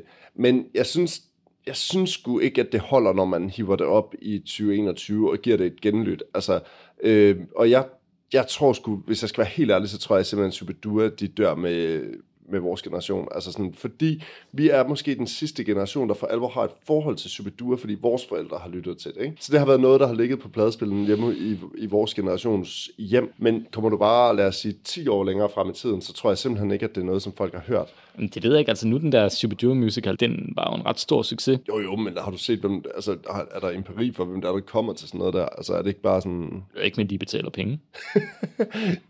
Altså, folk 55 plus er der i købestærke, altså. Ja. Øh, og, og øh, så vil jeg da sige, at man må da også bare kigge med hatten for, at der er nogen, der, der skriver musik, sådan specielt tilegnet alle vores øh, udviklingshemmede i det her land, ikke? Altså nu, nu, nu har vi ikke taget Kim Larsen endnu, men nu synes jeg lige, du skal spare på krudtet. Der er, der er, hvad hedder sådan noget, Festivalprogrammet, det booker ikke sig selv. der, der er specialister, og så er der, så er der kopister. Altså, synes jeg heller ikke rigtigt, du får løftet det der med, at det er deres hjemmelavede ord, der er det drivende i teksterne. Jeg synes faktisk, at øh, nogen er bedre end andre, men jeg synes, når de rammer den, så synes jeg faktisk, at de er i stand til at skrive tekster, der har den der skarphed og brug af sproget. Men vi er Som- enige om, at det er eddermame sjældent, de gør det. Altså, at vi er oppe i det, et niveau, hvor man sådan tænker, okay, det der, det, det er sådan en lille lyrisk perle, hvor man sådan tænker, det, det var sådan tre linjer, der hang godt sammen for dem i et bagkatalog, der tæller fucking 18 studiealbums. Og er det det? Ja, men der, der vi- skal man ned og lede i fodnoterne, før man finder noget, som er sådan remote Jeg synes ikke, man skal ned og lede i foderen. Jeg synes det, det er bare, vel de prøv- der to til tre numre per plade. Okay. Ligesom med C.V. Jørgensen, da vi havde ham. Det er ikke fordi, jeg siger, at vi var begge to kritiske over for C.V. Jørgensen også, da vi havde ham. Men jeg vil sige, at for eksempel sådan en som Peter A.G. vil jeg da mene, er en, der er mestre det danske sprog markant bedre i lyriske perler, hvis jeg endelig er der. Ja. Selv på svage plader, hvor at man har, øh, så har man nummeret inde bag en hæk, mm. som er noget, som jeg vil fremhæve som værende. Det kan godt være, at musikken er lidt fjollet og sådan noget, men selve lyrikken til det er ekstremt smuk. Altså og virkelig flot og på Ja, et men ekstremt det, det, er højt jo, niveau. det, er jo, det er jo lidt en, en, en anden bane, vil jeg sige. Ej, det vil jeg fandme ikke sige. Altså, det der, det, det der fuldstændig det samme. Der er der ikke, altså, der, på den vis, så er det der nogen, der omfavner dansksproget rockmusik. Øh, så kan det godt være, at der sådan er en lille smule forskel, men det er jo stadigvæk en leg med sprog, ikke? Det er jo ikke det der straightforward øh, øh, gasolin, øh, hjerterimer hjerte rimer på smertelyrik. Altså, vi, vi er enige om, vi er lag Ej, men dybere altså, end det. altså, Gasolins tekster har jo ikke noget med lyrik at gøre. Det er en øvelse hos en talepædagog. ja, det er det. Ja, jo, jo, altså, og jeg synes, at der er andre ting i, i 70'erne, som jeg tror, jeg vil fremhæve før Shubidua i forhold til øh, sådan at kunne mestre det danske sprog, så vil jeg til enhver tid hellere fremhæve en øh, Niels Skovsen, for eksempel. altså, er det, er det ikke sådan et pære og bananer? Ej, det, det synes jeg sgu ikke, det er. Altså, jeg, jeg, man kan selvfølgelig sige, at, at Niels Skovsen er jo selvfølgelig også på den rigtige side af stregen i forhold til, hvad der sådan er ind og lødigt og sådan noget, hvad, hvad Spinning Vinyl finder frem og sætter Ja, på, ikke? Altså, altså, men jeg synes, det er men, du kan sige, hvad du vil om Dingeren, men han har trods alt ikke medvirket i fire sæsoner af Landsbyen. Var der virkelig fire sæsoner af landsbyen? det ved jeg sgu ikke. Nej, det har Nå. det ikke, men til gengæld så har han skrevet krummesangen. Og i øvrigt, hvis man gerne vil høre, hvad Dingeren, sådan, hvor- når, han virkelig, når han virkelig kører amok, så skal man høre B-siden til krumme singlen. Ja, det kan jeg godt huske. Den er, den er vild, altså. Ja. Det tror jeg, vi kommer til, at vi er nået til vores øh, bedste og værst. Ja, Fra minus til plus, kunne vi kalde den. men øh, jeg kan ikke helt lure, om det er fedt at være i baghånd her, Christoffer, eller om det er fedt at være i forhånd. Ja. Altså, normalvis, så har vi jo sådan en, når vi plejer at tage de her sådan, øh, monster bagkataloger igennem, sådan en lille leg med, hvad skal man høre på den her plade? Ikke nødvendigvis, hvad der er den bedste sang, eller dårligste sang, men mere sådan, hvad, hvad skal man høre? Den her gang har vi valgt at gøre det en lille smule anderledes, da det er jo sådan øh, ret tydeligt, at vi ikke er helt enige om Shubidua øh, som band. Så jeg har simpelthen fået lov til at vælge det værste nummer, jeg kan vælge på pladen, og øh, Christoffer, han vælger så det, han synes er det bedste nummer på pladen. Ja, lidt ud fra de sædvanlige kriterier, sådan, hvad jeg synes er bedst, hvad jeg synes stikker ud, hvad jeg, hvad jeg tænker er, er værd ligesom ja. at, at hive frem for pladen. Og Men på en god måde, vil jeg mærke, ikke? jo, det, det giver sig selv, ja. Ja. Jeg er jo meget spændt på faktisk, om vi har nogle øh, sammenfald her. Altså, det, er jo, det, er jo, det er jo det, det var grunden til, at vi valgte at gøre det på denne måde, det ja. var at, øh, at, at få Jeppe til at vælge, hvad han synes er, er, er bedst. Det vil jo, så vil vi få svar i stil med, jeg kan godt lide det her nummer, for det var kun halvanden minut, så skal jeg ikke øh, pine mig selv så lang tid. Det vil der ligesom ja. ikke være så meget i. I stedet for kunne vi så nu sige, hvad nu hvis vi valgte det samme nummer? Altså det, jeg bedst kan lide, er det, Jeppe hader mest. Det kunne ja. være sjovest. Men lad os da se, om, øh, om det går. Plade ja. Det værste nummer overhovedet her, det er jo simpelthen øh, åbneren Lulul Rock'n'Roll. Hvorfor? Fordi det er gumbetungt, og det er frygteligt, og det er omkvædet er frygteligt, og der, der er så meget i det her nummer, som ikke, det, det åbner bare ikke en plade på nogen som helst måde. Det indvarsler ikke et eller andet nyt, eller et eller andet øh, sådan ekstraordinært, eller noget som helst. Jeg synes, det, det er decideret rædderligt at lytte til. Og jeg tror, hvis jeg skulle have øh, åbnet den her plade, så tror jeg, at jeg ville have åbnet med står på en albetop, altså, eller fed rock, eller sådan noget. Men Lulul Rock'n'Roll, jeg synes virkelig, det er dårligt. Ved du, hvem der også har lavet et cover af Johnny B. Good på dansk? Nej. Johnny Madsen. Johnny, vær god. Det tror jeg, det, det tror jeg hellere, jeg vil lytte til. Meget hellere, faktisk. Men jeg, jeg vil så også måske sige, at jeg synes ikke, altså det er jo ikke det værste Shubidua-nummer som sådan. Altså, jeg synes bare, det er en ekstremt dårlig åbner på den her plade. Ja, Nå, men det nummer, jeg synes er bedst, øh, slash træder mest frem, det er et nummer som øh, Små Blå Vand. Mm-hmm. Fordi øh, siden jeg var lille, har altid synes at introen var ret fed på sådan lidt Queen-agtig måde. Noget klaviatur indover, og så, altså, jeg vil sige, selve sangen, det er jo ikke fordi, jeg, jeg tror måske, jeg er lidt i tvivl om, det er måske Dingeren, der synger vokal på den. Det er i hvert fald ikke sådan videre melodisk, men der er noget ret fedt øh, uh, Moog-synth øh, indover, og det er jo spillet af manden, som vi slet ikke har nævnt endnu, men som i virkeligheden havde sådan en halv producerrolle på i hvert fald den første Shubidua-plade. Måske også andre, nemlig Tommy Sebak. Er det rigtigt? Så øh, Nå, okay. det er sådan lidt ja. en uh, Tommy Sebak Tour de Force, det nummer. Og, og, og jeg, det ved, jeg, jeg har bare altid altså, en introen kombineret med sådan det der lidt øh, syre-rock-agtige øh, synth og, og rock indover. Det, det synes jeg, det, den skal jeg altid lige høre på den plade. Som du sætter på flere gange om året og lytter til. Ja, men det, jeg har altid haft et nært forhold til den. Jeg havde den øh, på kassettebånd som barn. Ja. Hvor mange, hvor mange Shubidua-plader ejer du egentlig? Øh, nu er jeg jo ligesom givet alle mine plader væk, men altså, mine forældre havde i hvert fald toeren og firen, kan jeg huske for sådan min spæde, spæde barndom. Og så havde jeg min far som sagt 78'eren på kassettebånd. Så har jeg haft øh, etteren øhm, på kassettebånd også. Så tror jeg, nogle af de senere plader, vi kommer til afsnit 2, tror jeg også, øh, de købte. Jeg tror også, jeg har haft tieren på CD på et tidspunkt. Men igen, dem, dem kommer vi til. Ja. Øh, plade 2, Ja, så jeg tænker, at du starter så. Jamen, øh, jeg har jo øh, to børn, øh, en dreng og en pige, og min søn, han, da han var lille, der havde jeg overskud nok til rent faktisk at forsøge at indoktrinere ham med noget musik, der ikke kom fra YouTube. Så vi hørte øh, meget musik, blandt andet øh, Shubidua, og han var utrolig glad for det nummer, der hedder Marlon Brando, fordi han godt kunne lide noget rock and roll så meget, at han den dag i dag omtaler den som min rock and roll. Så det er min favorit, og den kan du ikke komme tilbage fra. Øh, Når man nej, nej, nej, nej, nej, nej, men det, det er heller ikke den, jeg har på. Jeg simpelthen synes, det er et frygteligt nummer, så tror jeg stadig, at jeg tager regne om Kurt som værende det værste nummer på den her plade. Ja, hvorfor? Jeg kender en indian... Jeg, nej, jeg kan ikke engang sige det. Jeg kender indianer, der bor på Østerbro. Ja, det er da, det er da solidt. Beach Boys uh, medley. Men jeg vil så også sige, at jeg er faktisk lidt i tvivl om, om det faktisk er det værste, men det andet er ikke som sådan rigtigt et nummer. Jeg synes virkelig, jeg er fluen. Det er sådan noget, der får mig til at vil, vil Mm. hælde cola ned i min computer. Det er sådan, at min far synes er sjovt. Men jeg hvordan, ved jo hvordan, faktisk... hvordan siger en flue? Jeg kan sgu da ikke sige som en flue, men... Altså, jeg, igen, jeg kan godt se det, hvis det, hvis det var sådan noget, hvor man har det grinerne i studiet, altså, men at det overhovedet kommer med over plejet, det kan jeg simpelthen ikke... fa- Altså, øh. Ja, men øh, jeg vil så sige, at det der det regner med øh, sagen om Arken i parken og regner om K, det tror faktisk, altså, det, jeg ved, jeg føler, at jeg siger det hver podcast, jeg tror, det er et af de første numre, jeg kan huske, sådan helt, fra jeg var sådan helt, helt lille, sådan under to år gammel. okay, det, er gør, sådan- det gør det jo ikke bedre, Christoffer. Så, så har du jeg- bare jeg- et eller andet sådan... Øh, sådan øh, så har du bare et tilhørsforhold til det. Jamen, det skulle da også noget være. Jeg kan stadig se Amager-centret af nu øh, 1986 for mig, når jeg hører det nu. Okay. Det, Ja. var, det var et sted, man tog hen. Nå, men så er det jo min tur. Nummer tre, der er absolut lavpunkt, og måske også et Shubidua-lavpunkt. Ikke, helt, ikke det værste Shubidua-lavpunkt, mm. men dog alligevel meget, meget langt med Nam Nam. Ja, yeah. Så må du gerne sætte nogle ord på, hvorfor. Altså, det, jeg synes, det er vanvittigt klamt at lytte til. Altså, hvornår har man nogensinde omtalt kvinder i flertal som tissekoner? Hvornår er voksne mænd bruger ordet tissekoner om noget, der sådan skal have en eller anden seksuel reference? Så synes jeg, man, det, det, det er virkelig klamt. Du er ikke, øh, du er ikke spekuleret mere over, hvad en kombi-freak er.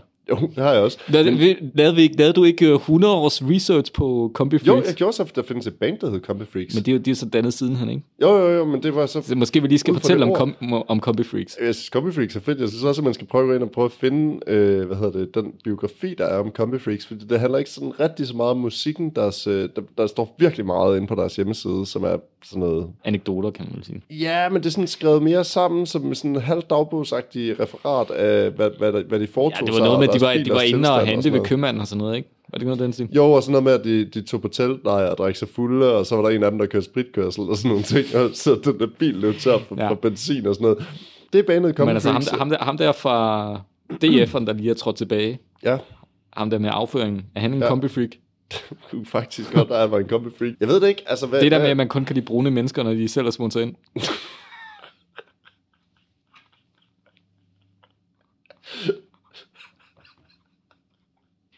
Hvad er det, er bedste på træerne?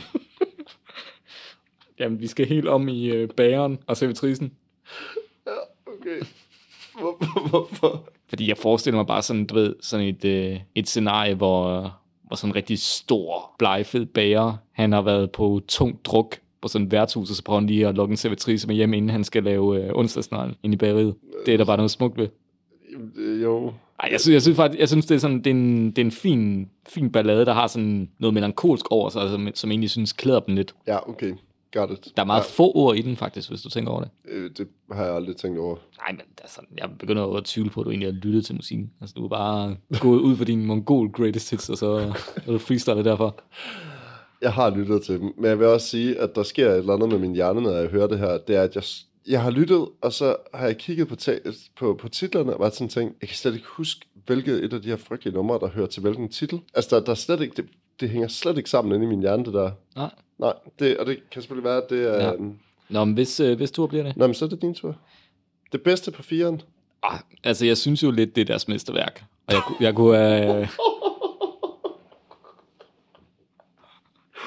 Ja, fortæl videre, fortæl videre. Der, jeg, altså, jeg, jeg, jeg synes, der er meget godt, jeg kunne have valgt et, øh, et, et slinger i valsen, som jeg faktisk synes er... Den, det kan godt være, at du ikke kan lide taktart, men jeg synes sådan melodi og, og tekst og humor, altså sådan, det bliver ikke for tykt, selvom der er lidt noget sådan, slapstick over det. Altså, men, men altså, den, den, hænger, den hænger fast på en god måde, men det er det nummer, jeg faktisk har valgt, det tror jeg, det er, det er sommergryder, fordi jeg, jeg synes, der er et eller andet i... De rammer den der amerikanske 70'er lyd ret fedt, og det er ikke så mange danske bands, der gør det, men altså, det er sådan noget dansk supertramp, det, det, det er tidstypisk på en fed måde. Du kunne ikke have skrevet et nummer som det på et andet tidspunkt i, ind i 70'erne, og det er bare altid øhm, godt kunne lide. Der er sådan billederne med, med teksten, og den, den, hele den måde, de spiller på produktionen. Jeg synes, det, er, det holder høj, høj klasse. Jeg kan godt forstå, at de synes, det skulle være sinken. Jeg har skrevet i mine noter under plade 4. Generelt er 4 lidt et lavpunkt. Og øh, jeg vil sige, når man, altså igen, der er rigtig meget af det her, som er noget, som lyder som en noget, som mine børn de kunne finde på at sige, ikke? Altså, Nu synes jeg heller ikke, du skal tale dine børn ned under gulvbræddet. Det er jo meget, meget intelligente børn, du har, Jeppe. jeg, jeg vil stadig sige, øh, jeg har faktisk skrevet flere ting på her, sådan nogle bobler, som kunne være de værste. Det kunne være et Margarine, som jeg synes er helt igennem frygtelig, frygtelig nummer.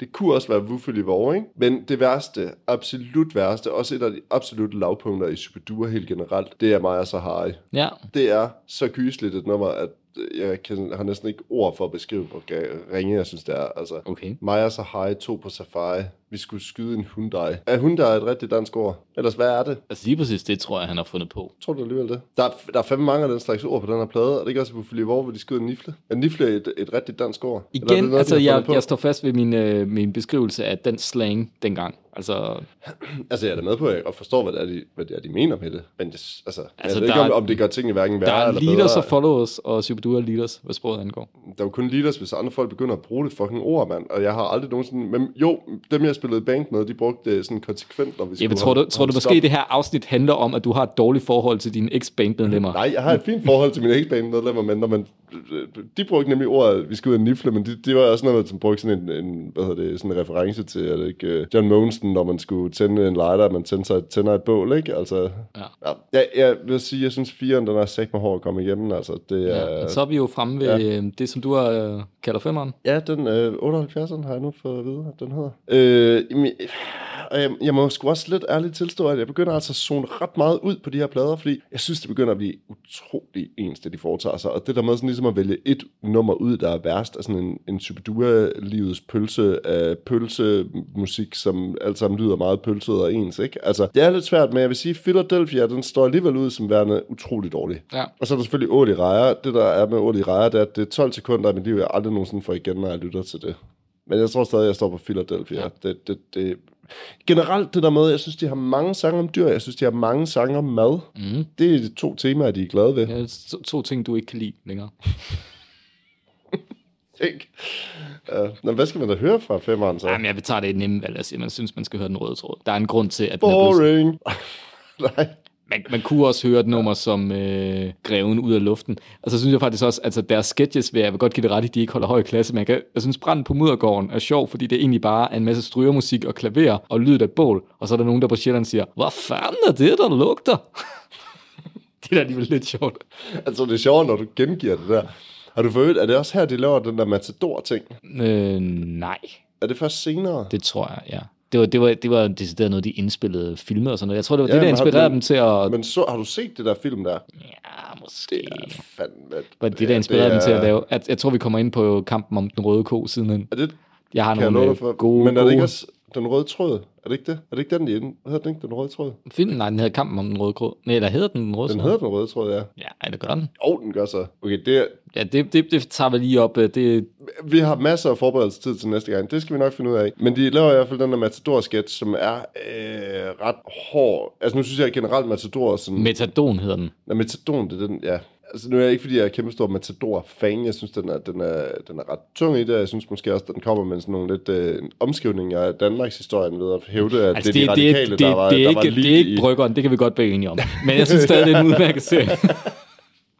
Jeg vil nu stadigvæk godt sige, at jeg tror ikke... Jeg vil, jeg vil sige, at, at en Christian Skjern er ikke specielt inkognito, når han render rundt i sit, øh, hvad hedder det, sit øh, modstandstøj. Modstandsmandstøj. Ja, men Christian Skjær er sgu da dobbeltagent. Han er sgu på tyskernes side. altså, jeg, Det, det, det, det, det, det. Jeg tænker bare, det var skulle da heller ikke de Han radikale, der var forefront Jamen, på, sådan, på, at være, øh, På på at være imod Christian, øh, tyskerne. Altså. altså med hans kontakter i bankvæsenet, han er sgu da dobbeltagent, mand. Det bliver han da nødt til at være. Altså. Han sidder der og føder, føder ind. Tjener, han- tjener en god skinning på, hvad hedder han, øh, Skjold Hansens øh, værnemageri. Ja, så kan han samtidig skibbe ham der, den anden øh, bankassistent fra den anden bank over ja, sådan noget, ikke? Ja, ham der smovsen der. Tjene- det, tjene- det er sgu da godt for ham. Tjene, tjene penge på den måde, altså. Ja. Nå, det var, det var tidsspring. Så er vi kommet til øh, Til nummer 6. gebispladen. Det, nu er, jeg, er det mig, der starter så? Nej, det er dig, der starter. Nå, men øh, altså man kan sige, i researchen til, til det her afsnit, altså jeg kendte selvfølgelig meget mere til Shubidua, end, end Jeppe gør, så det var ikke sådan vildt svært for mig at research, men jeg lyttede alligevel øh, pladerne igennem, og der var, der, der var faktisk nogen, jeg ikke havde lyttet så meget til, blandt andet plade 6 af uansagelige årsager. Og jeg tror egentlig lidt, jeg havde afskrevet den som en af de sådan sværere gamle Shubidua-plader. Men så lyttede jeg til Jeg en gris, som jeg faktisk synes er måske et af deres mest vellykkede numre, rent musikalsk og tekstmæssigt. Den har sådan en catch, den der catchy melodi og en tekst, der sådan er, kan, man- kan, man, kan man sige, tilpas sjov og tilgængelig til, at den vokser på en. Okay. Du, jamen, du, Og, har, du, har du lyttet til den? jamen, jeg har lyttet til, men jeg kan bare ikke huske, hvordan den lyder. Det, det, jeg gør det ikke det her med vilje. Altså, jeg kan simpelthen ikke huske det, fordi det, det, der, der, jeg, der er rigtig meget af det der, hvor jeg bare zoner ud. Altså, jeg kan slet ikke... Altså, min hjerne kan ikke sådan få lyden hen på titlerne. Altså, der er et eller andet, der, det går helt galt, altså. Nå, ja, men, øh, men hvad synes du så er det værste nummer? Det er Ærmelunden. det er en af dem, jeg var ved at tage som den bedste. For helvede. Hvorfor kan du ikke lide den? Det, altså, hvis man gerne vil høre, når Shubidua sådan bliver alt, alt, alt for Shubidua-agtig, så er det Ærmelunden, ikke? Så er der bare sådan, så er der klaver. Slam, slam, slam, slam, slam, slam. Ja. Ej, men, det, men det, det er bare sådan, det er lyden af Shubidua, som, som prøver at være sådan, overgå sig selv i at være Shubidua. ja. Hvor, er det Ermelund er? Er det et eller andet øh, sted i Nordsjælland, ikke? Pas. Ja, okay. Videre. Ja, Plade, øh, plade 7, den med storken. Den sidste med bossen. det man hører her, det er, det er stillhed fra min side, for det er mig, der skal sige, hvad der er det værste. Jeg siger det ikke. Du siger det ikke? Ej, jeg vil sige, det er det, og nu siger jeg ikke engang, at det er det værste Shubidua-nummer. Det er det værste nummer i hele verden. Det er det værste, der nogensinde er indspillet på dansk. Det er så frygteligt, at alle, som ikke ved, hvad det er, jeg taler om, jeg vil næsten sige sådan en, lad være med at høre det her i bilen, for I kører galt, så, så ringe er det her nummer. Det er alt, hvad jeg hader ved Shubidua er indkapslet i det her. Det er ringe lyrik, det er øh, øh, åndssvage jokes, det er lydeffekter for at understrege pointer, som man allerede har sunget om, og det er naturligvis i Østen stiger Olsen op. Mm. Det er så gysligt, at jeg, jeg har ikke ord for, hvor gysligt det nummer er. Jeg voldhader det nummer, og jeg skal aldrig, og jeg gentager, aldrig nogensinde lytte til det nummer igen, efter den her podcast er Hvis du, no, hvis du nogensinde holder din polterappen, Jeppe, for skudt, så ved jeg fandme godt, hvad du skal lave. Bære en stige igennem København, eller hvad? At du skal opføre Jøsten Stier Olsen op midt på Rådhuspladsen. Jeg tror jeg vil løbe ned og hoppe ud af Det, det er del af genopført den der scene fra Olsenbanden med Rådhusuret, uden sikkerhedslinje. Så tager jeg Olsenbanden. det er til enhver tid, altså. Nå. Men du må sgu da give mig ret i, at det er et frygteligt nummer, altså. Mere sådan interlude-agtigt. Nå. Du, det kan jeg ikke bare. Okay, jeg, jeg giver lige en challenge. Når vi går hjem herfra, ikke? Mm. så synes jeg, at du skal sætte i Østen stiger Olsen op, hele vejen hjem på repeat. Jamen, det kan vi godt. Okay, challenge accepted. Nå, det nummer, jeg synes, man skal høre, det er Krig og Fred. Fordi jeg faktisk synes, det lykkedes dem at lave sådan et noget, der minder om et decideret rocknummer. De spiller den øh, som en sjovt øh, kuriosum, spiller de den jo live i øh, Paul og Nulle i hullet, tror jeg. Okay. Mm. Og øh, altså, der, jeg hørte et interview, øhm, eller også var det min bror, der fortalte, at det, Dingeren blev interviewet, og Anders Lund Madsen lavede en podcast om den der julekalender Paul og Nulle i hullet. Så en lang historie, sådan noget med, at båndene er blevet slettet, så de har kun sådan et klip tilbage i 18, og den kan aldrig blive vist igen, og der er sådan lang... Jeg har faktisk fundet alle de der klip nu fra Paulo nu i hullet. Okay. Hele julekalenderen. Jeg tror ikke, den er sådan værd at se. Men... Så, så, så, så, så det godt, de lavede den her podcast inde i hvert fald. Men i hvert fald så interviewer de Dingeren i den forbindelse, fordi han er optrådt, hvor han sagde, det eneste Dinger, han talte om, det var, at de havde lavet den der, den himmelblå, eller hvad fanden den hedder, deres julesang. De spillede den, og, og hvad hedder det, og krig og fred. Og Dingeren bliver spurgt til den der julekalender på Nulle Hul, hvad synes det er? Det eneste, han siger var, at det var en mulighed for at promovere vores nye plade foran et publikum på. det var det eneste, han de gik op i. Det var bare gratis eksponering.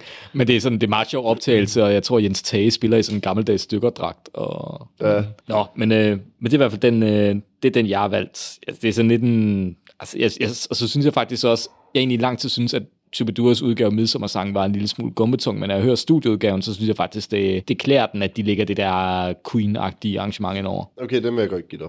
Ja. Ja. Så har vi øh, 8'eren. Ja, Er det mig? det er fedt, at man skal jo ikke huske pladetitlerne på de her. 8'eren, ja, det er dig. Jamen altså, der vil jeg jo så, der vil jeg, har jeg jo så valgt den grønne, der er jo lidt, øh, kan man sige, lider under, at jeg tror, den kom så hurtigt efter midsommersang, for det er jo egentlig deres forsøg på at lave midsommersang bare om noget andet. Øh, sådan lidt en fællessang baseret, fællessang baseret rocknummer, der er en hyldest til det eneste, der er sådan, jo virkelig definerer os som danskere, nemlig øl. Så det er jo, ja. I stedet for den røde på 1. maj, så er det den grønne, som er super. Så en hyldest til privatbilisme og sådan frokoster med alkohol. Ja, okay, ja, ja, got it. Melogik er det værste på den her plade. Det var, Øh, det var, det var kraftig hyldelsen, ikke? Jo, ja, eller joken over kraftværk, eller hvad fanden det nu er. Altså, Det er i hvert fald meget, meget svært at holde ud og lytte til, ikke? Jeg altså, tror sådan, faktisk, jeg jeg- tænker, at det var sådan en fuldstændig åndssvag måde at gøre grin med sådan samtidig elektronisk musik. Altså, det er sådan, der, der skyder man bare fuldstændig ved siden af, ikke? Ja, altså den, den er jeg faktisk villig til at give dig ret i. Det er et ret irriterende nummer. Jamen, det, det, det, det er også bare en irriterende pointe. Hvad fanden ved de med det? Altså, hvis du gør grin med sådan noget som kraftværk, som er, eller et helt taget sådan den scene, jeg ved ikke, om det også sådan, skal gøre en lille smule grin med nogle af de der sådan lidt mere Joy Division-agtige New Wave-ting, øh, om det sådan er, er inde i det også, øh, men, men så skyder man fandme ved siden af, hvis det er det, man begynder at joke med, ikke? Så, så er man på det der territorie, ligesom øh, C.V. Jørgensen, der lavede den der med Sushi and the Banshees, ikke? Altså, så, så er man i samme land, så har man simpelthen ikke forstået, hvad der, der foregår rundt omkring en. Ja. Udover det, så er det frygteligt nummer, altså. ja. Og så er vi fremme ved nieren. Der er et nummer. Øh, Vil du gætte, hvad for net jeg har taget her, tror du? Hvad tror du? Oh, jeg tror, du har taget Adonis And. Og det kunne jeg godt. Jeg har taget There's a Dog Shit in My Garden. Er den med på pladen, eller er den bare sådan en bonus den er, track? Den er med, den er med over pladet. Var, var det begyndt at kalde sig UB40 der? Du ved, ligesom UB40. Jo, tak. Jeg, jeg kan godt forstå... Øh... Mm. Nej, det ved jeg ikke, om det var. Men jeg synes, uh, Dog Shit in My Garden, den er... Øh... Udover den vel er svært racistisk, så synes jeg, at det er et virkelig dårligt nummer. Altså, Ja, jamen altså... altså, Was it a tissemand? Oh no. A dobbermand? Ej, Du ruller rundt på gulvet og griner. ja. Ja. Jamen, øh, altså, altså jeg, jeg synes jo ikke, det er, fordi det fremler med stærke numre, På men den anden side, er det, er det her, hvor, altså, er det fordi, at de sådan vil hylde, at de har fået en trommeslager med, der faktisk kan spille sådan en reggae beat? jeg tror i hvert fald, det har været svært at få Bosse efter, han havde, altså du har godt hørt den der Bosses historie fra indspillingen af, jeg ved ikke om det er plade 6 eller 7, Ja, altså, hvor han kommer direkte fra værtshus, og de skal op og hente ham på værtshus nærmest. Ikke? Nej, nej, det der sker, det er, at han bor jo, hvad ved jeg, i Hellerup eller sådan noget, og deres pladestudie ligger inde på Frederiksberg, så han skal tage S-toget ind, og han- da han sidder i toget, så kan han bare mærke, at den er helt fucking gal. Altså, han, han ryster over det hele, og sådan er totalt færdig, så han, han ved, at ved siden af Svanemøllen, der ligger der sådan et døgnværtshus, sådan et morgenværtshus, hvor han kan gå ind. Og så, øh, hvad hedder det, han går så ind på Svanemøllen, og så bestiller han, hvad ved jeg, en arnbitter og en, øh, og en øl. Og han kan sådan mærke, at øh, sådan, han, kan bare, han kan bare ikke øh, drikke den der øl, eller, eller det der arnbitter. Han kan, han, kan ikke, han kan ikke tage flasken op, uden det ryster ud over det hele. Det går ikke. Så det siger, at han venter til, at bartenderen ligesom øh, vender, skal bukke sig ned efter noget, eller ude i baglokalet efter noget. Og så mens han gør det, så bukker bosset sig forover, og så ligesom prøver han ligesom som en hund at drikke den der arnbitter op, så han kan få noget alkohol indenpå, så han kan holde på øllen, og lade være med at ryste. Og, så, og i det han gør det, så vender bartenderen sig op og kigger på ham. Han synes, det er så pinligt, at øh, han han får så noget alkohol ind på det, ikke? Men han synes, det er så pinligt, at han så går over til et andet værtshus og får drukket en øl, og så får han styr på de der rystelser og kan være med i pladenspillingerne. Det er stort. Det er ligesom der, han er, ikke? Så, så Der, nej, der piker det.